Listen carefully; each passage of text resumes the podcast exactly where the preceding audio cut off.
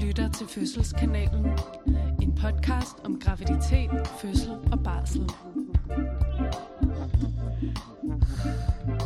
Gab. Yes. Du har været tidligt op, min ven. Jeg har været oppe klokken 8. Jeg føler, det her har vi snakket om før. Jeg kan ikke, Siget er jo ikke overskue det. A-menneske. Nej, Det må man bare sige. det er virkelig ikke. Men jeg var rigtig god at give i seng klokken halv 11 i går aftes, som er meget usædvanligt for mig. Ja. Det, øh, det er svært for mig at komme i seng før midnat. Ja. Men øhm, I'm trying to learn.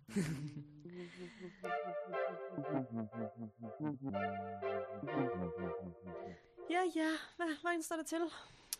Det går. Jamen, øh, stille og roligt. Jeg har øh, haft arbejdsweekend. Så det er der- derfor, det virker unødigt, at man også skal tidligt op en mandag morgen. Er det også? Jeg synes faktisk, det er unfair det der når man har et arbejdsweekend, og man så skal arbejde mandag også. Det, er sådan, Ja, det føles så, så umenneskeligt. ja faktisk.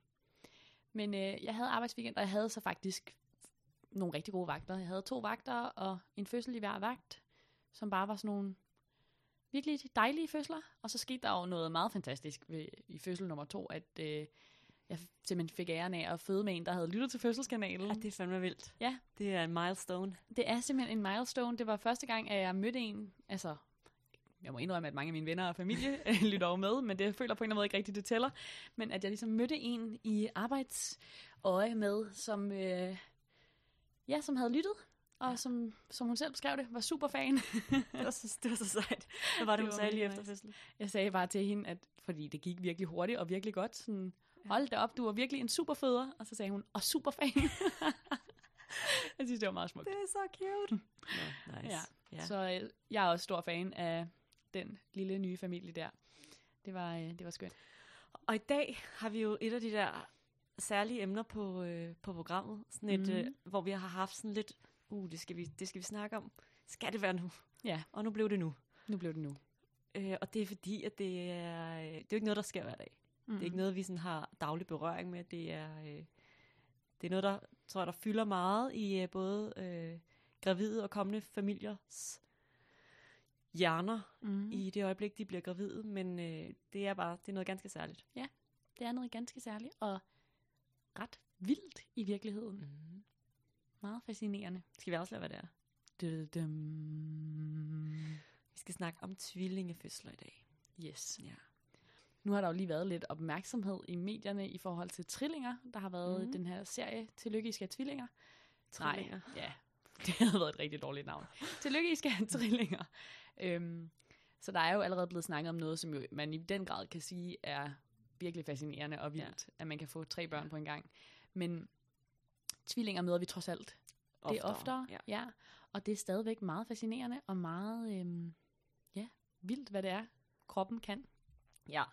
Det, øh, det, det, er sådan, et- det er et af livets mirakler, føler Ja. jeg. Øh, at, øh, at der kan være to børn derinde. Mm. Og, Mm. øh, og også øh, hele det her med livet efter fødslen. Altså nu kommer vi til at gå meget op i graviditeten mm. og fødslen. Men, men også, øh, det, er jo, det er jo en følgesvend for livet, det der med at blive tvilling. Mm. Og, øh, og det, det er jo også et, et vildt sted som familie, ligesom at få to børn på én gang. Ja. Øhm, Og vi kender jo alle sammen nogen, der er tvillinger, mm. eller man har gået i klasse med nogle tvillinger, eller man har nogen i familien, eller Ja. noget af den dur. Så vi har ligesom et forhold til det, og holdninger, og jeg tror også, at hvis man i hvert fald, det er jo ikke sikkert, at alle har tænkt over, at man rent faktisk kan være gravid med tvillinger, når man kommer til sin første scanning, men hvis man har, så kunne jeg forestille mig, at folk også har ligesom taget stilling til, om de gerne vil have tvillinger eller ej. ja, det er, og jeg tror også, også de fleste på et eller andet tidspunkt har tænkt sådan, gud, tænk, hvis det er tvillinger. Ja. Og så er der måske nogen, der har gjort det med sådan en vis portion af håb, og nogen, der har gjort det med sådan en vis portion af angst. Ja. Øhm, og det, øh, begge dele kan jeg vildt godt relatere mm. til. I forhold til øh, det der med at, øh, at være tvilling, øh, så, øh, så er der jo flere forskellige former for tvillinger, og mm. det tænker jeg, at vi skal komme lidt nærmere ind på i løbet Ja. af den her episode. Øh, lige inden vi gør det, nu snakker du kort om trillinger, Ja. øh, i forhold til det program, der bliver sendt for tiden, og det her kommer til at handle om tvillinger, mm. øh, Mm. fordi det ligesom er det, vi ofte ser Mm. øh, i forhold til sådan det, der hedder flerfoldsgraviditeter, som jo i virkeligheden dækker over både tvillinger, trillinger og flere børn Ja. end det på en gang. Øhm, og vi har valgt kun at fokusere på tvillinger, fordi Ja. det simpelthen øh, er det mest relaterbare, og man kan sige, Det er ultra sjældent, at der de er andre nogen, der- ting er sjældne, og Ja. øh, skulle man være en af de få, der skal have øh, trillinger for eksempel, så kan man måske bruge nogle af de ting, vi siger, og, øh, og ellers så kan man jo se øh, programmet, det før om, omtalte program. Mm. Mm. Øhm, ja. Ja. Men today it's gonna be about twins. Lad os herfra gå videre med en tekstbog. Yes. Tekstbogen. Tvillinger kan opdeles i to overordnede grupper. Enæggede og tvæggede tvillinger. Venter man enæggede tvillinger, er der et befrugtet æg, der har delt sig i to. Tvillingerne har således samme genmateriale og samme biologiske køn. Venter man tvæggede tvillinger, er to separate æg blevet befrugtet og har udviklet sig. Tvillingerne har således ikke samme genmateriale og kan være to forskellige biologiske køn. Når en gravid bliver scannet, vurderes moderkagen og fosterhænderne. Disse viser, om der er tale om enæggede eller tveæggede tvillinger. De har desuden betydning for antallet af kontroller i graviditeten og i sidste ende fødselsmåde. I en graviditet med tveæggede tvillinger har børnene hver deres moderkage, og de har hver deres sæt af fosterhinder, der fungerer som den ballon med fostervand i, som de bevæger sig rundt i. Det er fordi de to befrugtede æg har udviklet sig side om side. I graviditeter med enæggede tvillinger afhænger antallet af fosterhinder og moderkager er det tidspunkt, hvor ægget har delt sig i to. Sker delingen på et tidligt tidspunkt, vil tvillingerne have hver deres moderkage og hver deres ballon af fostervand. Sker delingen på et senere tidspunkt, deler tvillingerne moderkage, og så har de enten hver deres ballon med fostervand, eller også ligger de i det samme fostervand inde i den samme ballon. Det kan være, at man lige har lyst til at spole en gang tilbage og høre det her en gang til, fordi hold nu fest, det kan godt fremstå meget øh, kompliceret og avanceret. Ja. Og det er det egentlig også en lille smule for os, fordi det er sådan noget, hvor man lige skal sådan der holde tungen lige i munden og være sådan, okay, hvordan er det nu, det er? Mm. Øhm, og det er jo egentlig ikke fordi, at det, det er noget, jeg tænker, man skal gå så meget op i. Der er jo nogle læger, der, der sætter sig ned og sætter sig ind i det her, Mm. øh, og som også nok skal prøve at formidle, hvad, hvad for en situation man er i, Mm. øh, i tilfælde af, at man skal have tvillinger, og hvilke sæt kontroller, der ligesom hører til de. Ja. Øhm, så, så måske bare tage det som sådan et overordnet overblik over Mm. øh, de, de forskellige former for tvillinger, ja. der ligesom kan være.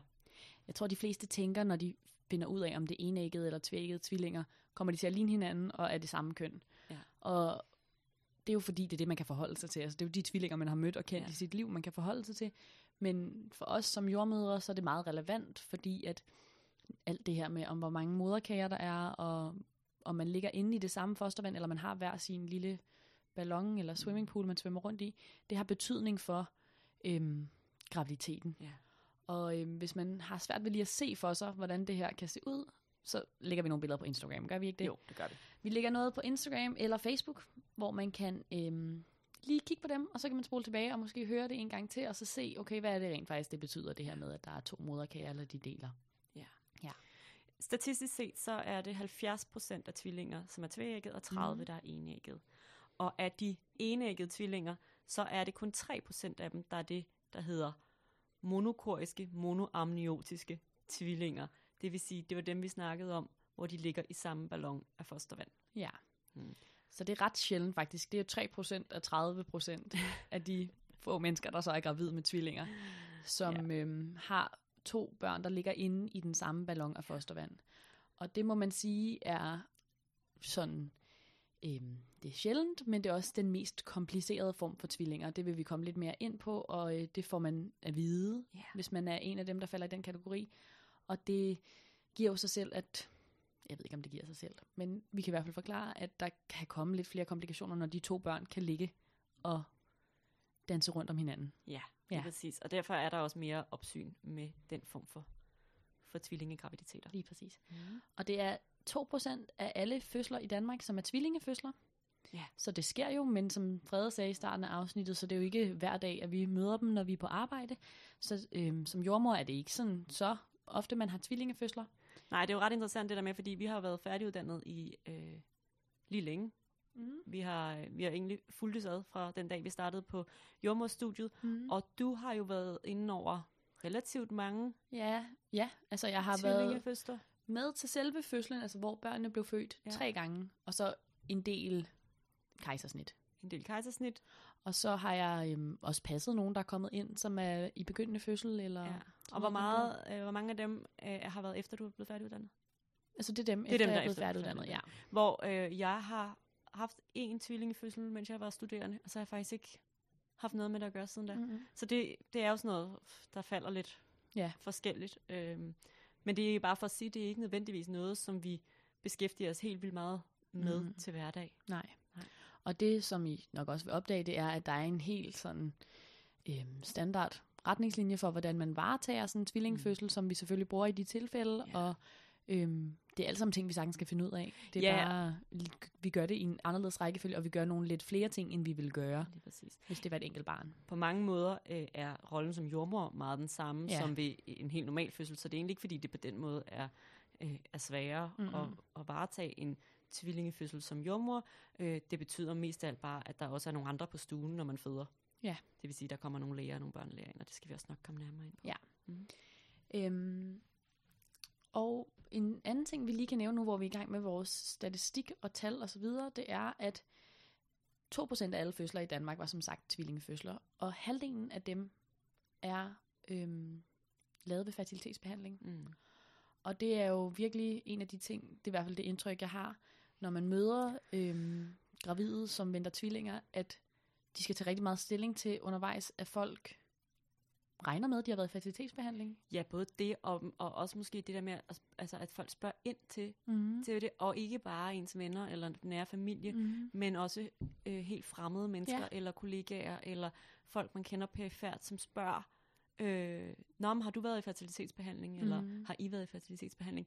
Øh, og også nogle, der er også nogle lidt åndssvage, altså der er blandt andet øh, udtrykket af de økologiske, Ja. og sådan noget, altså sådan lidt, What does it mean, altså? ja, sådan en lidt træls øh, Mhm. reaktion, og en irriterende øh, måde, og på en eller anden måde gå til andre folks liv på, og mm. sige, øh, du skal, jeg har krav på ligesom at vide, hvordan dine børn er kommet til verden. Ja. Øh, det, det er en opfordring herfra til at lade folk fortælle det, de har lyst til at fortælle, Ja. men, men lad være med at spørge ind, med mindre det er nogle mennesker, du kender godt, og som Ja. øh, du ved har det ok med at fortælle om de her ting, fordi det kan jo være meget privat, og, øh, Mm.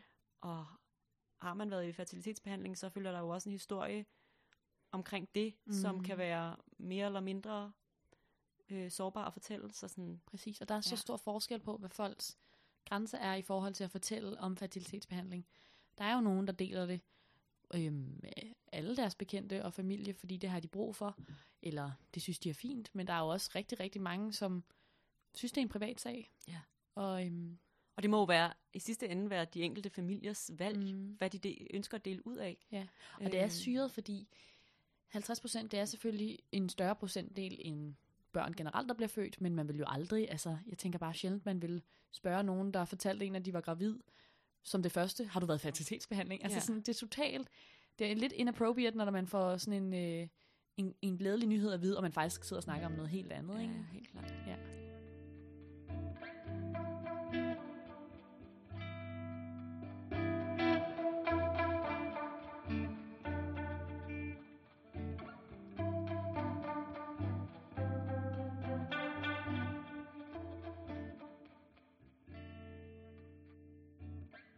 Øh, men ikke nok med, at folk omkring en har en reaktion, når de finder ud af, at man skal have tvillinger, så har man jo også selv en reaktion, når man selv finder ud af til den her scanning, den første scanning, man er til, at der er to børn.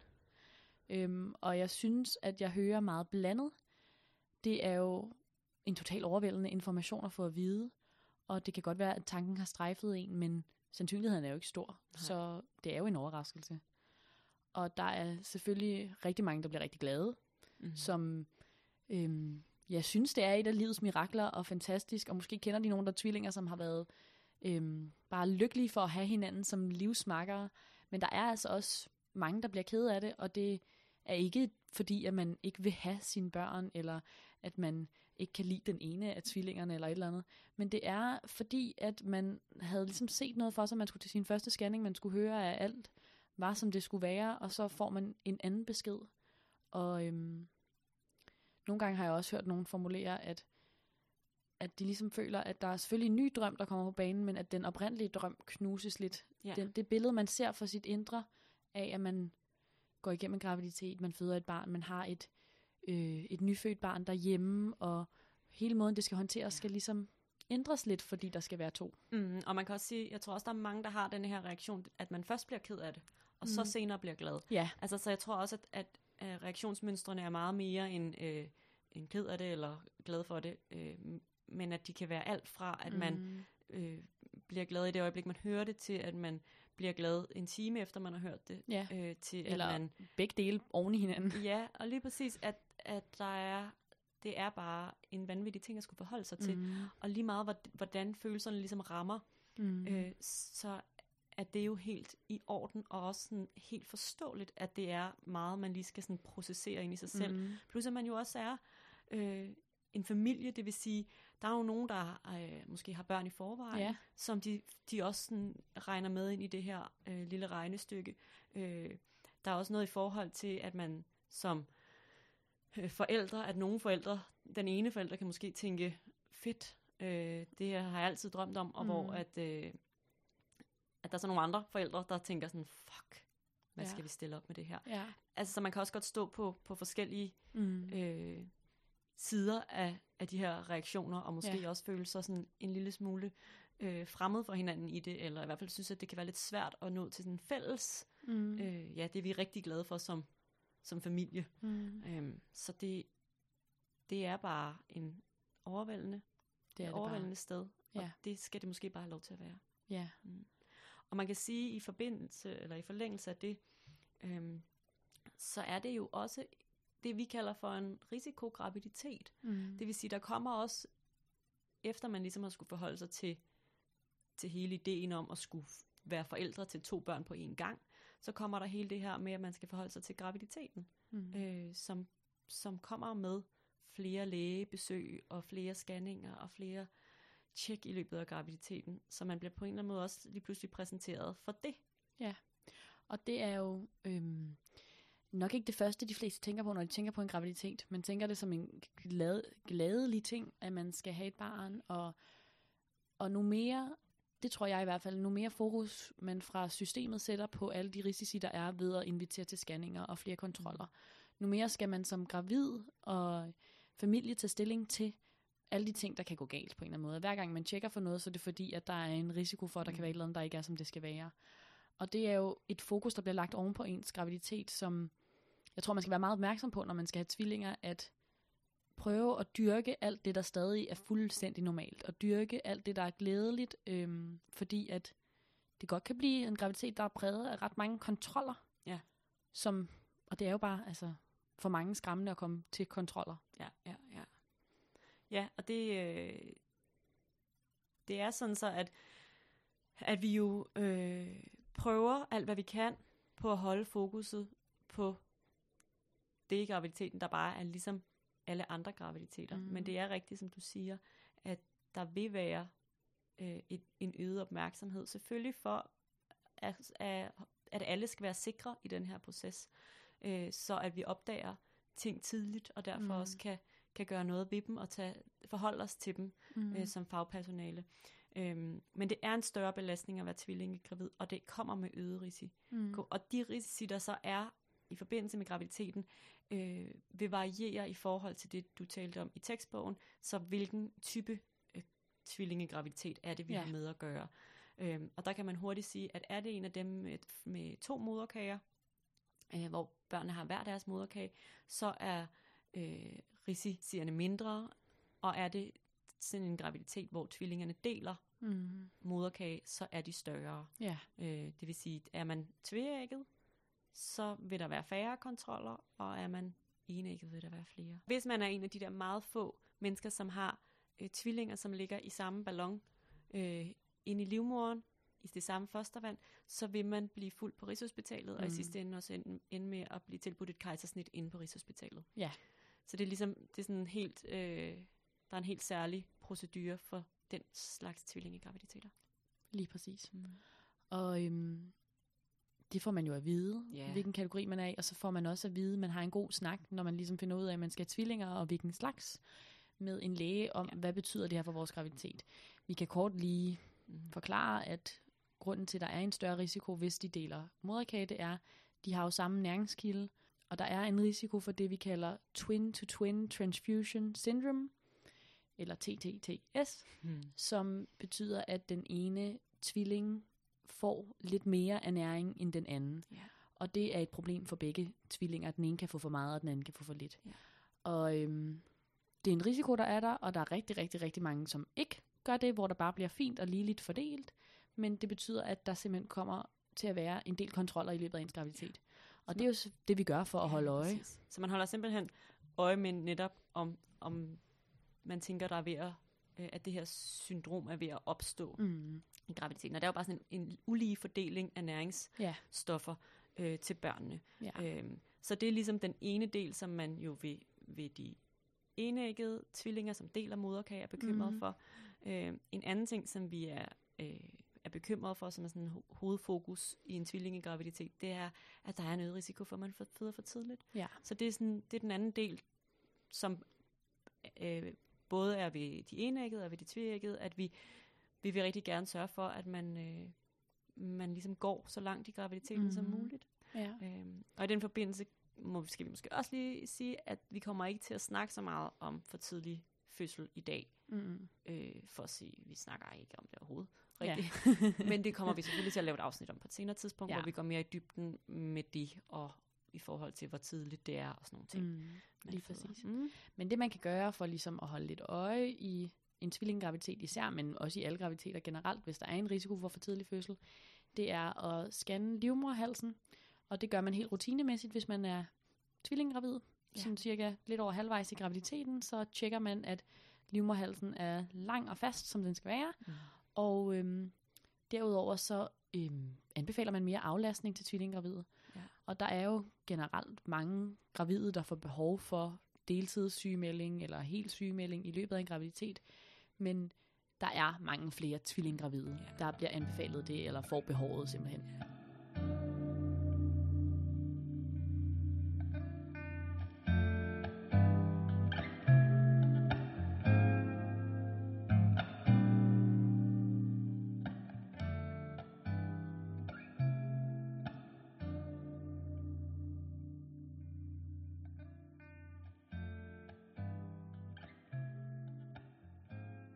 Altså nu har vi snakket lidt om det her twin-to-twin transfusion syndrome og for tidlig fødsel. Det er ligesom vores sådan, hovedfokuser. Foki. jeg ved ikke, hvad det hedder. hvad hedder det? Det hedder i hvert fald ikke foki. Jeg tror Nå. fo- på fokuser. Jeg skal lige tilbage til mit seriøse jeg her. det er de to hovedfokus, man har øh, i tvillinggraviditeter. Men det, som vi ellers kan sige øh, i forhold til det her med, at det er en risikograviditet, det er jo, at hvis man har to børn inde i maven, så må man sige, at kroppen er det mere belastet. Ja. Og øh, det betyder bare, at hvad end der kan ske i løbet af en graviditet, det, det kan ske lidt mere eller lidt hurtigere, når man er tvillinggravid. Og der er jo rigtig, rigtig mange tvillinggravid, som går altså strygende igennem sådan en graviditet, uden at de får Ja. ja. nogle problemer, ligesom der er rigtig mange singleton, altså øhm, gravid, der skal have et barn, som går igennem en graviditet uden nogen problemer. Så det er jo ikke fordi, at det, at man har tvillinger, betyder, at der kommer komplikationer. Men Men fra et jordmors synspunkt, Ja. så er der bare det, der hedder en øget risiko. ja, Altså, så, så det, er- det er alle de der andre ting, som, øh, som også er så spændende. Altså, det kan for eksempel være svangerskabsforgiftning. Det er der også en lille smule øget risiko for, Mhm. hvis man er tvillingegravid. Øh, ja, leverkløe. sukkersyge. Ja, alle sådan nogle sjove, Ja. dejlige ting, som man helst vil være fri for. ja. Øh, og som jo ikke er jordens undergang, men som er noget, vi gerne vil opspore tidligt. Ja. Og derfor øh, har vi lige en øget opmærksomhed på det. Præcis. Men altså, mm, er du gravid med tvillinger, så mærk godt efter og sørg for at få aflastet, hvis du er en af dem, som begynder at have gener, voldsomme ja. gener af at være gravid. Og så snakker man det mere med os inde på øh, sygehuset, så man, øh, hvis der er en lille bitte mistanke om, at der er noget på vej, så vil man få tilbudt et tjek lidt før. Ellers, vi har det ligesom i baghovedet hele tiden, at man er tvillinggravid. Og ellers så, hvis man er øh, tvillingegravid med tvægget, så vil man typisk blive scannet en gang om måneden. Mm. Øh, og øh, er man med enægget, så vil det være en gang hver anden uge fra et vist sted i graviditeten. Ja. Øh, så faktisk vel efter nakkefold Ja. scanningen, så vil det være hver anden uge for enægget og hver fjerde uge for tvægget. Men medmindre der er behov for flere kontroller, Ja. så, så bliver det jo selvfølgelig tilpasset det enkelte forløb. Så det er faktisk relativt tæt i forhold til alle andre gravide, som bare får nakkefoldsscanning og gennemscanningen, hvis alt er, som det skal være. Ja. Så øhm, flere kontroller, flere scanninger, og øh, vi holder godt øje, og skal nok gøre alt, hvad vi kan for at hjælpe jer godt og dejligt igennem sådan en lige præcis. tvillingegraviditet. Ja. Det kan være, at vi skal snakke lidt om selve fødslen, som jo også ser noget anderledes ud, når man skal have tvillinger. ja, Hvis man er en af dem, der skal føde vaginalt. Der er jo altså også lidt flere tvillingegravide, der får et kejsersnit. Ja, og det, er jo, det kan der være flere grunde til. Man kan sige, hvis man er, er en af dem, der bærer børn, hvor de ligger i samme øh, ballon, øh, så, så vil man øh, simpelthen altid anbefale et kejsersnit. Mm. Øh, og det er fordi, man tænker, det er en, en for kompleks fødsel til, at det er det værd. Ja. Øh, så mener man, at det er bedre, at man forløser dem ved kejsersnit. Ja. Ja. Øh, og så hvis man øh, ellers ikke er, er en af dem, der falder i den kategori, så handler det meget om, hvordan børnene ligger i forhold til hinanden, og mm. også noget om, hvor store de er i forhold til hinanden. Mm. Og det er sådan, så der er sådan, der er en hel masse ting, man overvejer. Så man overvejer både, hvor langt er man i graviditeten, man er- overvejer, øh, hvilket barn er størst, mm. det der Mhm. ligger ligesom til at komme først ud, det der ligger til at komme sidst ud, og hvor meget er størrelsesforskellen. Hvor meget fostervand er der derinde? Hvor ligger moderkagerne?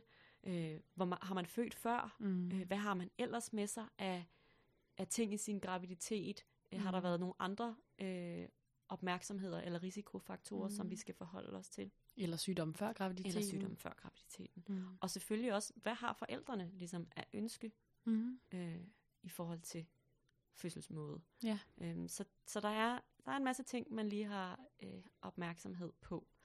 Øhm, Det er rigtigt. Så man kan sige, for mange tvillinggravide, så ved man det, altså man går igennem graviditeten et langt stykke hen ad vejen, uden nødvendigvis at vide, om man kommer til at føde vaginalt eller ved kejsersnit. Øhm, men man har jo også alle de her kontroller, og ofte vil man først finde ud af det, altså Ja. ja. tæt op af det tidspunkt, hvor man skal føde. Det vi lige kan fortælle kort, det er, at hvis man øhm, skal have enæggede tvillinger, så bliver man faktisk mange steder anbefalet at enten få et kejsersnit eller blive sat i gang i uge 37 plus 0, hvis man ikke er gået i gang af sig selv. Ja. Og skal man have tvenæg, tvenægget, tvægget, så er det uge 38 plus 0. Ja. Så graviditeten er også det kortere, Ja. øhm, hvor at normalt så vil man jo kunne få lov til at gå til 42. Og det er fordi, at øhm, det er simpelthen fordi, at nu større de bliver de tvillinger, nu mere belastet bliver kroppen, og, og vi ser ligesom, at de er færdigudviklede, de kan det, de skal på det tidspunkt, så tænker vi, på grund af de her risici, der stiger, Ja. At øhm, det er et godt tidspunkt at få, få Og- født. Ja, så er der også sådan en øh, i forhold til, som jo der også er i forhold til, når man bare skal have et barn, øh, moderkagen, hvor godt fungerer den? Og der har man ligesom også en teori om, at der kan være risiko for, at den holder op med at virke lige så effektivt Mm. tidligere i graviditeten, end den ville, når der bare var et barn, den Ja. skulle Ernære. forsørge. Ja. Ernære. ja, det er rigtigt. Men ellers kan man sige, at i forhold til, hvis man øh, skal føde vaginal, så er der ligesom nogle kriterier, Mm. øh, som gerne skal være opfyldt, Mm. mm. øh, hvis alle de her andre ting ellers er på plads. Og det er, øh, at barnet, øh, der kommer først, det vi kalder for tvilling A, øh, altså det barn, der vil blive født først, det skal ligge med hovedet nedad. Øh, så må, øh, må tvilling B gerne ligge, sådan så den skulle komme med numsen øh, først, altså det vil sige det efterfølgende barn. Mm.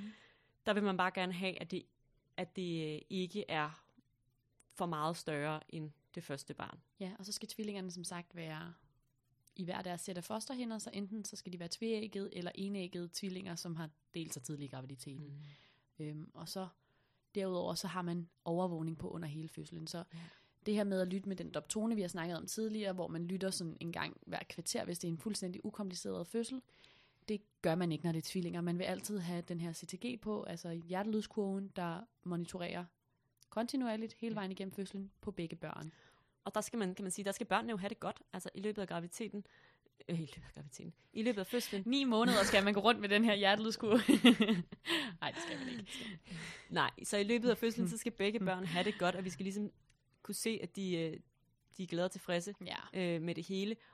og ellers så vil man omlægge til et kejsersnit. Så hvis man ligesom har en idé om, at, at der, er, der er et af børnene, øh, der ikke er med på lejen, så vil man gå til kejsersnit. Ja. Mm. Så vi har ligesom en lidt kortere snor på den måde. Ja. Og det er ikke fordi, at en tvillingefødsel tager dobbelt så lang tid som en en, en barns fødsel.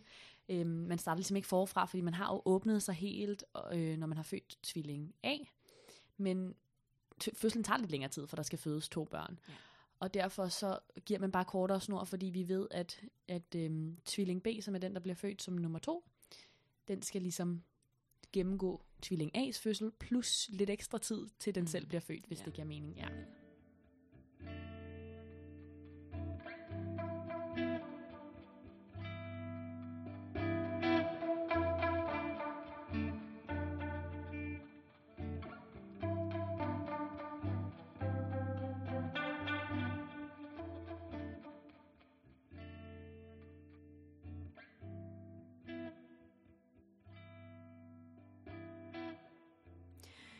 Og så, øh, hvis vi bare lige skal gennemgå det sådan helt from the top, ja. så kan man sige, at en stor del af, af en tvillingefødsel forløber ligesom andre fødsler gør. Øh, man er på en fødestue med en jordmor. Øh, man har de her øh, bælter om maven med overvågning, så vi kan holde øje med børnene, og så skal man give sig til, at man er de der 10 cm. Mm. Når man så er tæt på, at den første, det første barn skal fødes, så vil der komme flere mennesker på stuen. Det ja. vil sige, vi vil, vi vil kalde en børnelæge ind, som kommer med en, øh, med en neonatalsygeplejerske også, og vi vil kalde vores fødselslæger ind. Mm. Øh, der vil som regel også være øh, en eller to ekstra jordmorhænder, mm. øh, så vi ligesom har, har godt med personale på stuen. Og det kan jo føles, det vi snakket om tidligere også, føles lidt overvældende. Ja. Det der med, at der kommer en masse ind, og man skal ligesom koncentrere sig om at føde et barn, og så står der en masse mennesker og kigger. Men det er jo i sidste ende sådan en sikkerhedsforanstaltning, ja. øh, så, så der er de rette hænder og den rette hjælp på stuen, ja. til når børnene skal fødes. Ja, mm-hmm. og de vil jo som oftest komme ind og stille sig over langs væggen eller i hjørnet. Det er ikke sådan, at de kommer hen og stiller sig lige ved ens ansigt og råber pres alle sammen. Øhm, de kommer ligesom listen ind og stiller sig, og vi har alle sammen respekt for, at når man føder, så skal man have sit fokus, og vi vil forstyrre så lidt som ja. muligt. Så det, det er egentlig mest den jordmor, der har været på hele tiden, som, som er der med en, og så måske fødselslægen, som også kommer op og, øhm, ja. og snakker med. Ja, ja, ja. ja. ja. Øhm, og så, så bliver øh, det første barn født øh, som, en, som en hvilken som helst anden fødsel i virkeligheden. Ja. Øhm, og, øh, og det kommer kan nogle gange komme op til den fødende, nogle gange kan det komme op til øh, partneren, øh, en anden forælder øh, eller en pårørende, øh, hvis alt ligesom bare er gået fint, og mm. barnet har det godt. Mm. Øh, og ellers så har vi jo selvfølgelig vores børnelæger til ligesom at stå standby i forhold til, hvis det barnet skulle have brug for yeah. en lille smule hjælp. Øh, det synes jeg nu ikke nødvendigvis er så ofte, at, øh, at man ser det. Altså det, jeg oplever mm. mere, øh, at det...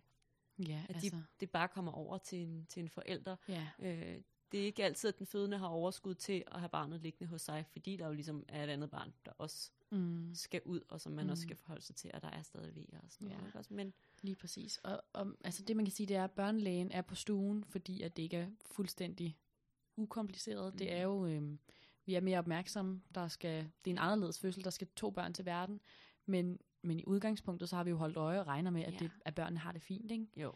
Øhm, det i forhold til, om, om den fødende ligger med barnet på maven, det er både, som du siger, det her med overskuddet og overblikket, når man skal til at presse barn nummer to ud, men det er også øhm, fordi, at man skal sørge for, at tvilling B, altså tvilling nummer to, bliver ledt ned. Mm. Nu bliver det sådan lidt teknisk, men ja.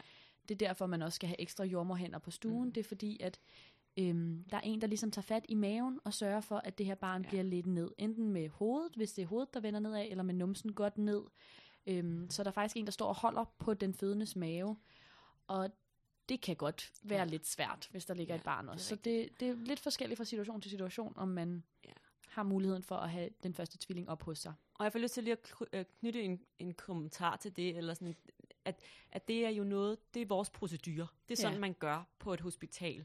Ja. Øhm, og det gør man med den øh, ting en mente, at man øh, kan være bekymret for, at det her barn ligesom kommer forkert ned i bækkenet. Altså, mm. at vi vil jo gerne have, nu er barn øh, første barn ligesom født, og vi mm. vil gerne også have, have nummer to barn ud øh, vaginalt, og derfor vil man gerne sikre sig, at, at den kommer mm. godt ned i bækkenet. Mm. Øh, for, eksempel hvis det er øh, en hovedstilling, at man så leder hovedet ned mod bækkenet, ja. eller hvis det er en underkropspræsentation, at man leder numsen ned i bækkenet. Ja. At den ikke kommer til at ligge på tværs ind i maven. Mm. Og det er jo, hvis man forestiller sig, at der har været to børn, og det ene ligesom kommer ud, så er der lige pludselig helt vildt meget plads mm. inde i den her livmor, øh, som gør, at man kan være bekymret for, hvordan barnet får lagt sig. Mm. Til gengæld vil jeg også sige, at øh, der kan jeg godt blive sådan, mærke, at jeg bliver sådan lidt udfordret i det, teoretisk set tænker jeg også godt, at hvis man, hvis man lå være med at lede et barn ned, så kan det også godt være, at det mm. bare laser øh, ligesom det skulle. Øh, så det, det er sådan en, det er sådan en ting, det er noget, vi gør. Mm. Øh, men der er jo også masser af fødsler, øh, som har tidligere har foregået både i hjemmet, og der er også stadig nogen, der gør det i dag. Det er bestemt ikke noget, vi anbefaler øh, i Danmark, men, øh, men der er masser af videoer på, på YouTube ja. øh, af alle mulige avancerede mm. former for tvillingefødsler, så det er ikke fordi, det kan, ikke kan lade sig gøre mm. at føde tvillinger uden alt det her øh, lede ned og føren på plads. Men, men det er jo øh, af en eller anden form for sådan omsorg, øh, det bliver gjort. Ja, altså vi gør det jo ligesom i den overbevisning om, at vi, kan, vi gør alt, hvad vi kan for at hjælpe det så godt på vej som ja. muligt. Ikke? Ja. Men det er rigtigt. Man kan sikkert sagtens have set nogle videoer, hvor man tænker, det sker overhovedet ikke. Ja. Den her fødsel ser ud som en helt normal fødsel. Der er ikke nogen ja. mennesker til stede. Sådan, hvorfor skal der være så mange under ja. min fødsel? Ikke?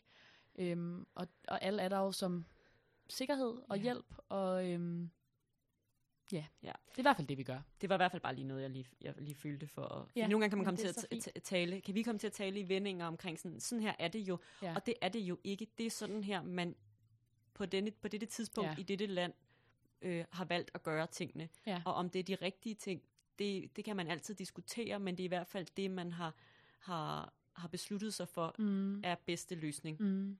Øh, og så, så er det det, vi, vi gør. Det er rigtigt, og det skal man jo vide med alt, ja. hvad der foregår i sundhedsvæsenet for det øjeblik, man bliver gravid. Det er, det er tilbud og anbefalinger, og øh, der er mange gode tanker bag, men vi er ikke altså alvidende mennesker. Som, Nej, lige præcis. Ja. ja. Anyways, der er blevet født en tvilling, og nu skal tvilling B nummer 2 fødes. Ja. Og øhm, der vil man scanne, medmindre at hovedet bare kommer ned med det samme, og man kan mærke det. Øh, når man undersøger vaginalt, så vil man lige scanne, så man har en scanner ind på stuen, og lige sikre sig, den står som den skal, enten med hovedet først, eller numsen først, som vi regnede med. Og så øhm, vil man ligesom for at få født sådan relativt hurtigt efter den første mm. fødsel, så vil man for det meste prikke hul på vandet. Så man kan ligesom, når man som jordmor eller læge, hvem der nu gør det, øh, undersøger vaginalt, så kan man mærke den her nye ballon, der er kommet ned og står sådan i toppen af vagina, øh, som er fosterhænderne med fostervand, som enten har et hoved bag sig eller numsen bag sig. Ja. Og så vil man prikke hul på det for at øh, skynde processen på vej, eller hvad man siger. Og så regner man med, at V'erne ligesom rejser sig, når man har gjort det, ligesom ja. øh, de tit gør, når man prikker hul på vandet. Og så øh, at bliver det ligesom, lidt ligesom en almindelig fødsel igen, eller hvad man siger. Så, så skal tvilling nummer to ligesom ned igennem bækkenet og fødes. Ja. Og det går meget hurtigere, når man lige har født et barn. Det er det der med, der har ligesom været en, et, et baby igennem fødselskanalen, det vil sige, det, øh, det er ikke fødsel, følelsen af at føde øh, to børn, Nej. hvis man for eksempel har øh, haft en, øh, en fødsel med et enkelt barn. Så det er ikke sådan tanken om, at nu går man det hele Nej. en gang til, fordi det er noget andet, og det, det er ikke øh, samme helt, helt samme proces. Men, Præcis. Men, øh, men der skal jo, det her baby skal jo ud, og... Ja. Øh, og hvis man kan vil sætte noget tal på, som får det til at give lidt mening, så plejer vi at, at sådan stile imod, at barnet bliver født inden for 15-30 minutter efter det første barn er født. Ja. Og der kan godt gå længere tid, hvis hjertelyden er smuk, og alt er som det skal være, og vi kan se, det går stille og roligt fremad, men lidt langsommere end det. Men ofte, så vil mm. det faktisk blive født inden for den her halve time efter det første barn. Så det er jo, må man sige, meget hurtigere end barn nummer et blev født. Ja. Ja. Øhm. Og der kan man igen sige, altså, det er igen sådan noget med, står barnet i en hovedstilling, så, så øh, føder man det ligesom man normalt vil gøre en hovedstilling, og det samme egentlig med den anden vej. Altså står det så i en, øh, med numsen først, så føder man ligesom vi normalt vil føde børn med numsen først. Og så tænker man sådan, kan vide, hvordan de føder børn med numsen først, og det vil komme i en senere episode. ja. Bliv ved med at lytte til os. ja. Det er jo det, der er nogle gange nogle ting, hvor vi tænker sådan, det, det skal vi selvfølgelig også snakke om, og det har vi bestemt også planer om at gøre, så det kommer på et tidspunkt, men for nu tænker jeg bare, at I skal tænke, ja, så, så, så føder man det barn. Præcis.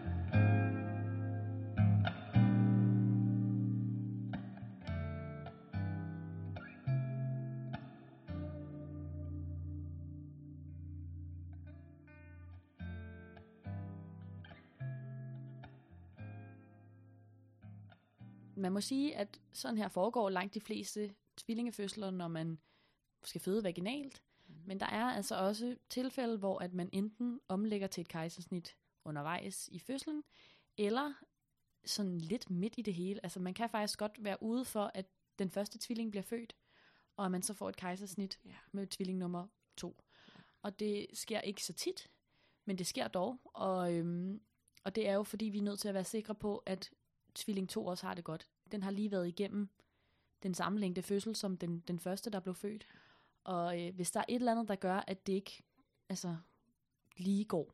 Ja. Øhm, og det kan være, der kan være alle mulige ting. Der kan være nogle børn, som øhm, nu forklarede Frede det her med, at, at når den første tvilling er født, så er der lige pludselig rigtig meget plads inde i livmoren. Og så skal man lige lægge sig ned og, og komme ned i bækkenet, når man er den anden tvilling. Der kan ske nogle ting. Det kan, man kan komme til at trykke lidt på navlesnoren, eller der kan være, at hjertelyden kan dykke, fordi man ligesom kan fornemme, at barnet får et chok af den her forandring. Og det holder vi rigtig godt øje med, og langt de fleste børn gør det ikke. Eller men, retter sig, hvis først de, ja. altså, fordi de kan godt have sådan en periode, hvor at hjertelyden dykker, øh, og de bliver chokeret, hvis man kan sige det på den måde. Og så ser vi lige, hvad, hvad sker der her. Mm. Øh, og hvis hjertelyden så retter sig igen, så er vi egentlig ikke bekymret. Men mm. man kan sige, hvis den bliver ved med at ligge nede og er meget lav, så vil vi på et tidspunkt blive nødt til at sige, det går ikke det her. Ja. Vi bliver nødt til at køre til kejsersnit. Ja. Og der kan jeg godt forstå, hvis man sidder derhjemme og tænker, hvad fanden, det lyder fuldstændig sindssygt at føde et barn vaginalt, og så få et kejsersnit bagefter. Ja. Det tror jeg også, jeg selv vil tænke. Men som sådan en fagperson, så synes jeg, at det er noget, man skal prøve at lægge fra sig, og prøve at tænke, at det her det kommer til at gå, som det skal, og at der er godt styr på det, og at alt, hvad vi gør, er for at få det bedste resultat i sidste ende. Mm. Og så har man født et barn vaginalt, og så får man et øhm, kejsersnit med nummer to.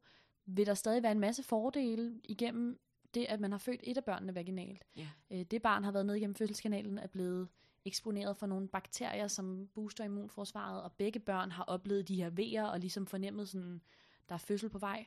Og skal man føde igen på et senere tidspunkt i sit liv, så har man født mm. et barn, og har øh, ligesom fået, som du sagde, gennem, et barn gennem fødselskanalen, og har en kæmpe fordel i det.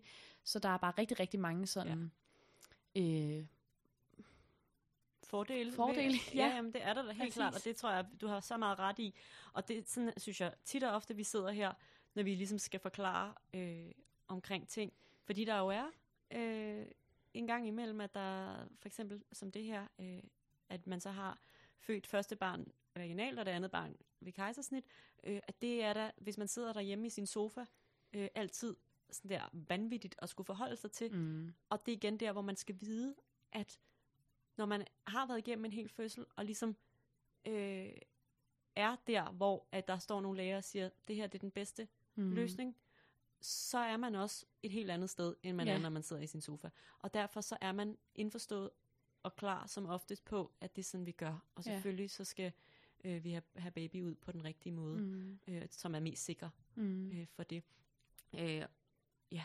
Ja, det tror jeg, du har ret i, at der er bare så stor forskel på, når man er i det, mm. at, at det går, og man klarer det, og man er sammen, og man har hjælp, og der er folk, der fortæller en, hvad der foregår, og hvorfor. Og det er bare noget andet, end at sidde og lytte til det og tænke, hvad sagde den? Ja. ja. Så det sker, og det øhm, er selvfølgelig træls. Vi ja. vil da håbe, at alle børn bare kommer ud ja. vaginalt, når det var det, der var planen. Men øhm, ja, der er man, en god grund til det. Helt klart. Og man kan sige en anden, en anden grund til, nu bare lige for at, at runde af, mm-hmm. øh, vi snakkede om, at, at hjertelyden kunne dykke, og det kunne gøre, at man blev nødt til at gå til et kejsersnit, og det andet kan være, hvis man ligesom, øh, hvis barnet ligesom får lagt sig dumt. Ja. Altså hvor man tænker sådan, det her, det er en dum måde at ligge på, når man skal fødes. Ja, så, Så det ikke man- får lagt sig ned med numsen eller hovedet først, men med fødder eller... En arm, en eller der arm. kommer noget navlesnor ned foran og kommer Ja. i klemme eller sådan noget. At det kan være årsag til, at man tænker sådan, det, det går ikke, vi må, Mm. vi må gøre noget andet. Ja. Øhm, til gengæld er der jo også bare rigtig mange, hvor at de bare føder de der to børn, Ja. og, og alt går lige efter bogen, og man Præcis. er jo, altså, det er man altid, når man er født, men en, altså man kan jo gå på vandet, fordi at man mm. lige har Mhm. fået Jamen, to børn til verden, og man præcis. ligger der med, en, med et barn i hver arm, Ja. og øh, Ja, øh, altså, det er, det er jo det vildeste. Jamen, det er, og det er det vildeste. Og jeg, jeg tror, man skal prøve at huske, at det er jo en fødsel som så mange andre. Altså, alle de timer med tålmodighed, de timer, hvor man udvider sig mm. og øh, arbejder med vejerne på den måde, det er fuldstændig ligesom alle andre fødende. Og så er det kun i forløsningsøjeblikket, altså når man er ved at presse, ja. og man kan fornemme, at nu føder vi snart den første tvilling, at der kommer ekstra mennesker ind på stuen, og sker nogle ting. Og vi har godt styr på det. Ja. Og, øh, og man skal bare fokusere på de ting, man Ja, altid skal fokusere på at trække vejret, være i kroppen, presse, øhm, gøre, gøre, hvad man gør skal. Ja, Og få hjælp til selvfølgelig. klart. Øhm, men hold kæft mand, der er virkelig et eller andet i det der billede af øhm, en fødende, der føder to børn, som bare er så vildt. Og, og også, øhm, jeg synes også, der er noget i det der med, når der er to børn inde på stuen bagefter, mm. At der kan være et, altså jeg synes, der er et eller andet helt syret i det der med, når der er blevet født et barn, og man ligger der, eller ja, man ligger der, og man, okay, jeg formulerer det gerne. Der er et eller andet helt syret over det der med, når man har født et barn, og man kan se det barn, og man stadig er i gang med at føde et andet barn. Mm. Det der øjeblik, hvor man, altså det er ret motiverende i virkeligheden, i forhold til, at man tænker, det er lidt uoverskueligt at skulle føde igen. One ret- down, one to go. Præcis, det er ret motiverende, at der er sådan et fantastisk lille væsen ved siden af, et, man kan se, og der er et inde i en stadigvæk. Det er bare, det er så, øhm, det er så wild, altså sådan, Ja. det er bare, Det er wild. det er Ja. så wild.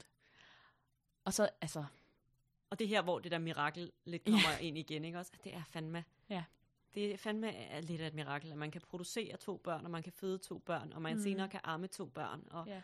øh, det, det er for vildt. ja, altså Og- de der, det der billede af en, en, der sidder og ammer med sådan et barn på hver arm ja. eller, altså det ser bare, Det er sådan superhuman det er det virkelig. Det er bare følelse. alt Ja. for vildt. Ja. ja. Så det er cool people, der klarer den slags. Det er det helt, Det er det virkelig. helt bestemt. Øhm, en lille hurtig sidste ting, vi lige kan nævne i forhold til fødslen, det er, at man øh, giver noget mere medicin for at undgå blødning. Og det øh, gør vi, fordi at livmoderen har været det større, så den skal bruge lidt mere energi på at trække sig sammen, så risikoen for, at man bløder efter fødslen er lidt større. Og det har vi in control, og vi skal nok gøre, hvad vi kan. Og man kan sige, at vi har den fordel, at vi allerede tænker, at det kunne ske, når man føder tvillinger. Øh, og der er jo også nogen, der føder et barn, der bløder, og de får ikke bare en masse medicin. Så det er først, når man bløder, man gør noget der, Mhm. ikke? Så øhm, fordi at risikoen er lidt større, så er vi også klar Ja. på det. Ja. Så ved man lige det. Så er man styr på det også.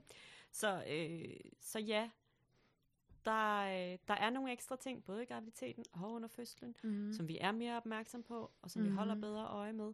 Øh, og lidt flere mennesker, man ser mm. mm. lidt oftere, både i løbet af sin graviditet, men også lidt flere mennesker på stuen under, under fødslen. Men ellers så er meget af det også jo det samme, mm. som at Mhm. gå igennem en, en Mm. øh, graviditet med et barn, Ja. øh, og en fødsel med et barn. Der er mange ligheder, der Mm. er også bare nogle, nogle ekstra mm. ting. Mm. Det må man sige. Og nu, det kan selvfølgelig godt lyde overvældende med alle de her ting, men meget af det foregår fuldstændig stille og roligt. Og jeg tror også, at de fleste faktisk synes, at de der ekstra kontroller skaber den ro, man har brug Ja. for. Ja, Ja. lige præcis. Øh, og, og det samme med de mennesker, der er på stuen, det er også, de er jo også lavet som et, et sikkerhedsnet. Mm. Øh, så, så hvis man på nogen måde kan se alle de her tilbud og øh, alle de her mennesker som, som ens support group Mm. til at få en godt gennem mm. Graviditet og fødsel, så, så synes jeg klart, det er den rigtige måde at, ja. at se tingene på. Ja.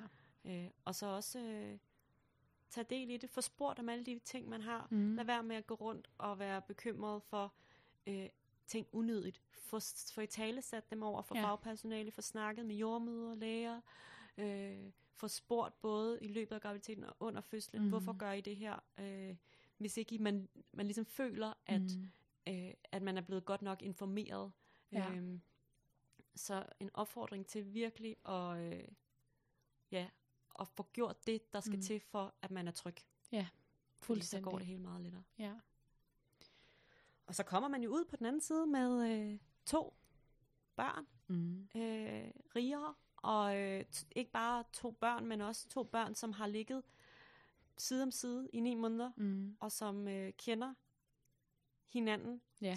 hjertelyd, og som også, øh, når man ligger dem ved siden af hinanden udenfor, Mm. vil, vil have en helt anden tryghed i det, Ja. øh, og genkendelighed.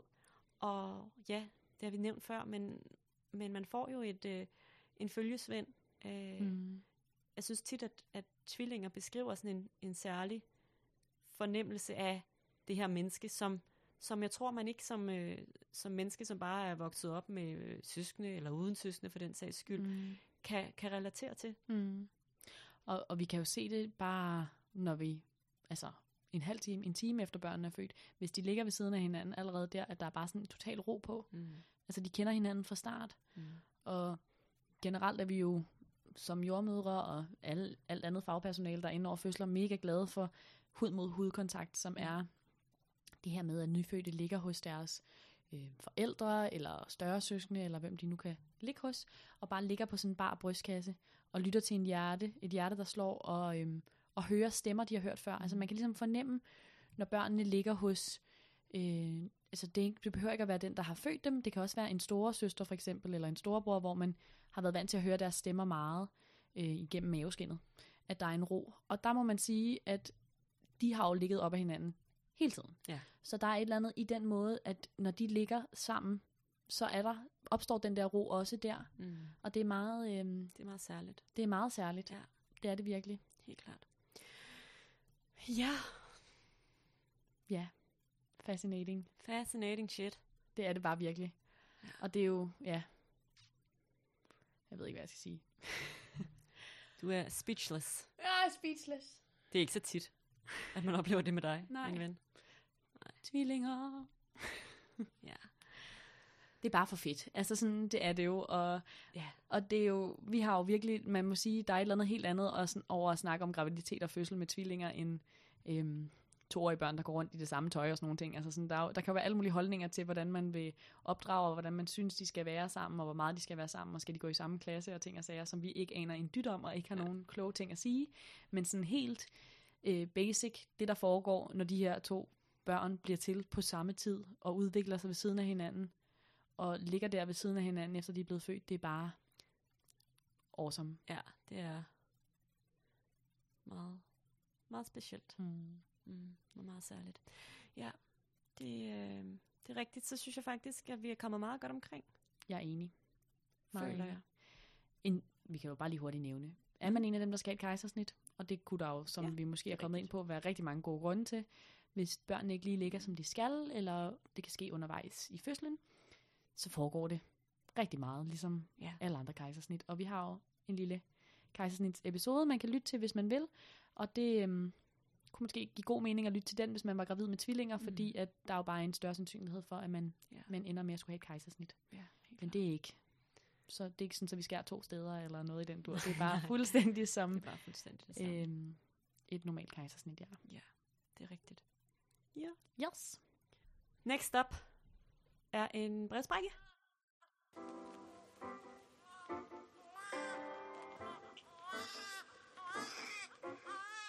Yes. Og det, vi vil snakke om i brevsprækken i dag, det er, hvad er en lotusfødsel?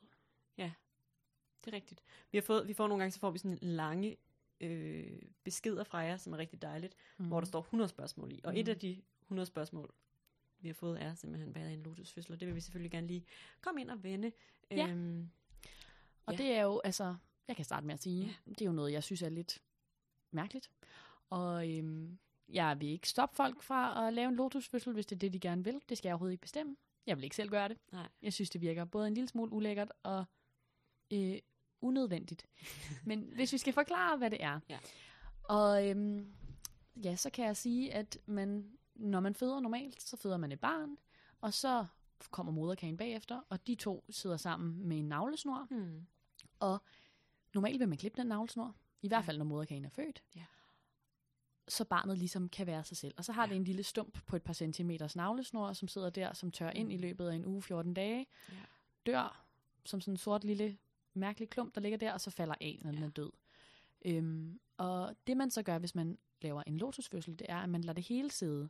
Ja. Så i stedet for de der par centimeters navlesnor, så er, hvor langt den nu er, navlesnoren og moderkagen, ja. som man så går rundt med sammen med barnet. Og det kan være i en lille pose, eller... Ja, tit så vil man pakke det ind øh, og proppe noget salt omkring. Mm-hmm. Øh, og nogle gange propper folk også blomsterblade omkring. Øh, og, så vil den ligesom... og det er en god idé, fordi at ellers så kan det altså godt være lidt yeah. smelly. Ja, yeah. øh, det er der sådan nogle, nogle teknikker til i forhold til at prøve at undgå, at det bliver, altså at den lugter for meget. Men det er jo sådan et, det er lidt, lidt ligesom navlestumpen, som tør ind og bliver sort og falder af. Det samme med moderkagen jo gøre. Mm. Øhm, så det er sådan en, en teori om, at, at man ligesom selv lader barnet skille sig af med sin moderkage, i stedet for at vi gør noget aktivt for at skille mm. øh, dem af med den. Og, øh, og det, det er jo igen her, den lille jordmor kommer på banen. Mm-hmm. Øh, så det er jo en lille smule mere... Altså det, jeg tror for mange er det også en, en sådan spirituel ting. Øh, der er nogle, øh, nogle samfund, nogle dele af verden, hvor at øh, man anser øh, moderkagen for ligesom at være barnets, barnets søsk, søskende, apropos tville, tvillingefødsler. At man ligesom tænker, at det er... Det, barnets søskende? Ja, altså mm-hmm. sådan, eller det er en... Ja, Makker. følge Svend, ja. øh, noget af den stil, som, øh, som barnet ligesom selv skal give slip på, mm. og øh, så vil der være nogen, der graver den ned i haven, mm. eller øh, altså gør en eller anden, holder en eller anden ceremoni omkring ja. øh, det her. Så det er jo det, er jo, det, det der jeg tænker, der tit er sådan baggrunden for at gøre det, er sådan en, en mere en holistisk, øh, ja. spirituel forståelse af, hvad en moderkage er, hvor at vi måske i Vesten øh, på et hospital har mere sådan en, den skal den ikke bruge længere, det skal den sådan set heller ikke, mm-hmm. sådan rent fysiologisk. Den har ligesom fået den næring, og pulsationen ophører i navlesnoren, og så er den bare sådan en ekstra mm. dødvægt i citationstegn. Ja. Øhm. Altså jeg havde også lidt forstået det som, at der ligesom kom noget, man havde en idé om, at der kom noget næring igennem den her navlesnor stadigvæk, mm. hvor at jeg jo, altså der, den stopper jo med at pulsere. Mm. Nogle minutter efter barnet er født, nogle gange kan der godt gå 5-10 minutter, men der stopper ja. navlesnoren med at pulsere, øh, og især altså når moderkagen er født, så stopper den helt sikkert med at pulsere, for der er jo ikke noget kraft der. Mm. Øhm, så derfor har jeg tænkt sådan, ja. altså der kommer jo ikke noget igennem den der lange streng, der bare hænger og dingler der. Nej. Men det er jo igen det der med sådan virkeligheder og verdensopfattelser ja. og sådan nogle ting, ikke også? Øh, tænker jeg. Så, så for nogen vil det give rigtig god mening, jo også ud fra sådan et perspektiv, altså der er, der er mange, og sådan er jeg nok også lidt forfalden til selv at være, og tænker, hvad, hvor naturligt kan vi holde ting? Mm. Hvor, øh, hvor lidt indgriben kan vi gøre? Mm. Øh, hvorfor gør vi, som vi gør? Kan jeg tror bare, jeg tænker ind i mit lille hoved, at mm. man og det er jo rent gæt, jeg har ingen viden om det, at man i stenalderen tog en sten og huggede øh, navlesnoren over. Altså, jeg tror ikke, at den ligesom at man lå den moderkage være på, fordi det virker ikke så smart. Nej, altså det er nej. upraktisk, der er et eller andet. Det tænker jeg i hvert fald tit, når jeg tænker på lotusfødselskonceptet. Ja. Øhm, det bliver sværere, altså det er jo en prioritet om, hvordan man vil være sammen med sit barn, men der er nogle ting, der bliver sværere med det her barn, når der, når der hæfter noget ved det. Altså, det er lidt sværere at ligge med det på alle mulige måder, eller gå rundt med barnet, eller sådan. Helt bestemt, helt bestemt. Øhm, og jeg er heller ikke sådan der, altså jeg er ikke nødvendigvis der, hvor jeg tænker sådan, det vil jeg selv gøre, men, øh, men når jeg hører om det mm. fra dem, der gør det, så, øh, så kan jeg godt forstå, øh, til, altså, kan jeg godt forstå ideen bag mm. det, øhm, og jeg synes også, at det kan være en meget fin tanke, men jeg kan også godt medgive, at det også er besværligt, øh, mm. og i forhold til amning, og i forhold til at ligge ja. med det her barn og sådan nogle ting.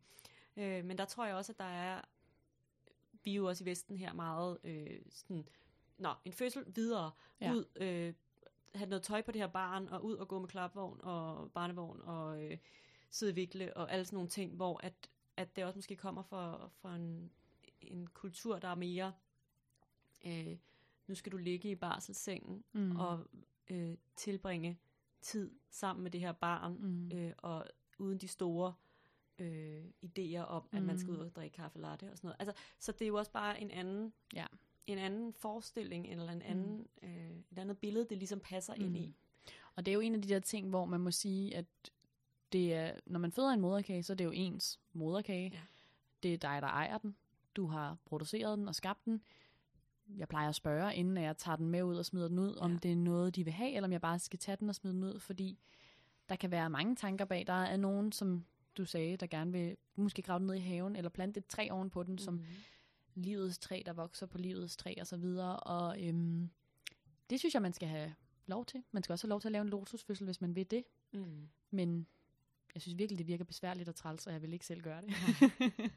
Og det er jo helt fair, og sådan er alle folk jo så forskellige, Ja. og man skal bare vide, at hvis man har lyst til en lotusfødsel, så er man mere end velkommen til det. ja, det skal man bare. Men jordmøder på de danske hospitaler er ikke nødvendigvis altid øh, sådan, så bekendte med, hvordan man ligesom behandler sådan en. Så man skal nok også have sat sig lidt ind i, hvad, hvad gør vi så? Det vil jeg kraftigt anbefale. og hvordan, hvordan, øh, hvordan har vi tænkt os at gøre det her Ja. ja. på en god måde? ja. Øh, jeg tror, det der jo også lidt er ved det, at det tit er dem, der vælger at føde hjemme, Mm. som ikke at dem, der føder hjemme, vælger at få en lotusfødsel, men dem, der øh, gerne vil have en lotusfødsel, har som regel også født hjemme. Det vil Ja. sige, det er ikke noget, vi kommer så meget i kontakt med. Nej. Øh, og derfor er vi heller ikke så belærte inden for emnet, og mm. har heller ikke haft så meget berøring med det. Mm. Men, øh, men helt klart, øh, i, altid en mulighed. Øh, Mm.